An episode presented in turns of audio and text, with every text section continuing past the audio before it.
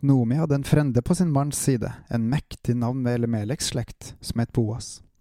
En dag sa Ruth Moabit-kvinnen til Noomi, Kjære, la meg få gå ut på åkeren og sanke aks etter en jeg finner nåde hos. Hun svarte, Gå du, min datter. Velkommen til Gud i sentrum av meg, Håkon Winnem, der jeg holder på å se på hva kan vi lære av Ruths bok i Gamle Testamentet, i dag kapittel to.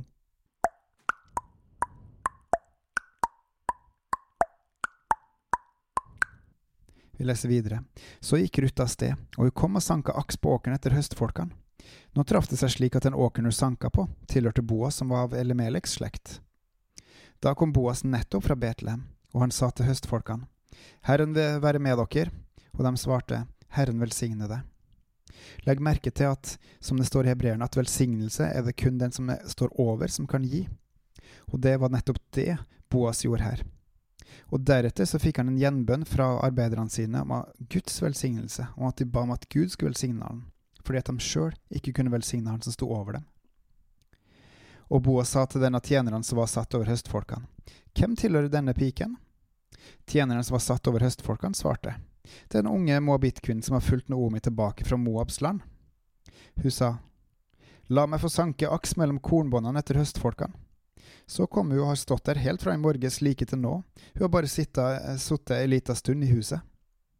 Da sa Boas til Ruth, Hør, min datter, gå ikke bort og sank aks på noen annen åker, og gå heller ikke herfra, men hold deg til mine piker her. Se etter hvor høstfolkene arbeider på åkeren, og gå etter dem. Jeg befalt tjenerne at de ikke skal røre deg. Blir du tørst, så gå bort til krukkene og drikk av det som tjenerne øser opp.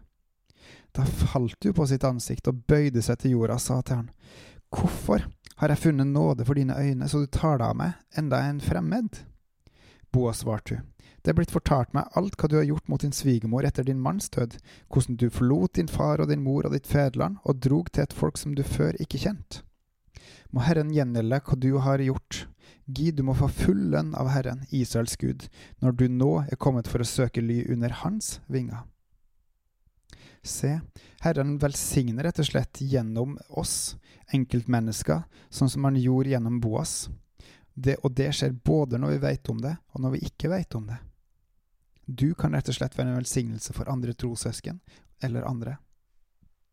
Hun, Ruth, sa, La meg finne nåde for dine øyne, min Herre. Du har trøsta meg og talt vennlig til din tjenestepike, enda ikke engang er som en av dine kvinner som er i din tjeneste. Da tida var kommet til å holde måltid, sa Boas til henne, Kom hit og et av brødet og dypp stykket ditt i vineddiken. Så satte hun seg ved siden av høstfolkene. Han rakte henne rista korn, og hun spiste og ble mett, og enda hadde hun til overs. Deretter sto hun opp for å sanke, og Boas bød sine tjenere og sa, Også mellom kornbåndene kan du sanke. Dere skal ikke gjøre henne for tre. Dere skal også trekke aks ut av kornbåndene til henne og la dem ligge så hun kan sanke dem opp, og dere skal ikke kjenne på henne. Så sanka hun aks på åkeren helt til kvelden. Helt til kvelden, faktisk. Hardt arbeid lønner seg, da kommer han lenger. Ikke gi opp, stå på videre. Gud vil velsigne med framgang når du følger Hans ord, og gjør det som godt er.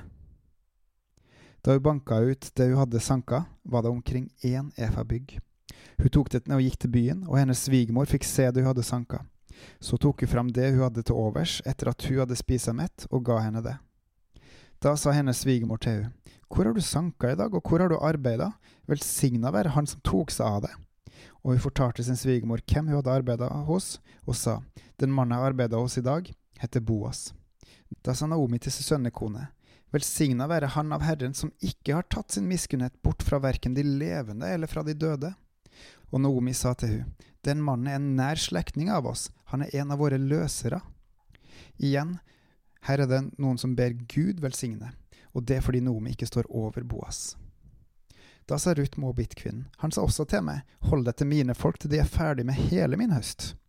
Og Noomi sa til Ruth sin svigerdatter, det er godt, min datter, at du går ut med hans piker, så du ikke skal komme til å lide noe ondt på en annen manns åker.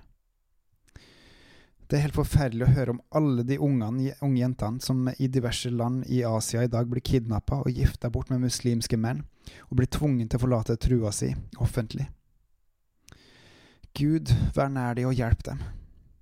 Og samtidig, Gud tar seg av sine. Han kan ikke beskytte oss fra alt ondt her i verden, men holder vi oss til Han, holder Han oss fast. Så som Ruth, som holdt fast både med Naomi og Herren. vi også, så vi får en god utgang uansett når vi kommer hjem til han til slutt. Så holdt, holdt hun seg til Boas piker og sanka aks til både bygghøsten og hvetehøsten var slutt, men hun bodde hos sin svigermor. Og kanskje er det det her dagens to lærdommer er, at hardt arbeid lønner seg, sjøl om det tar flere år, og at Gud lønner sine. Han ser, han verner, han velsigner, så lenge vi holder oss til Han. Bebels og på gjenhør.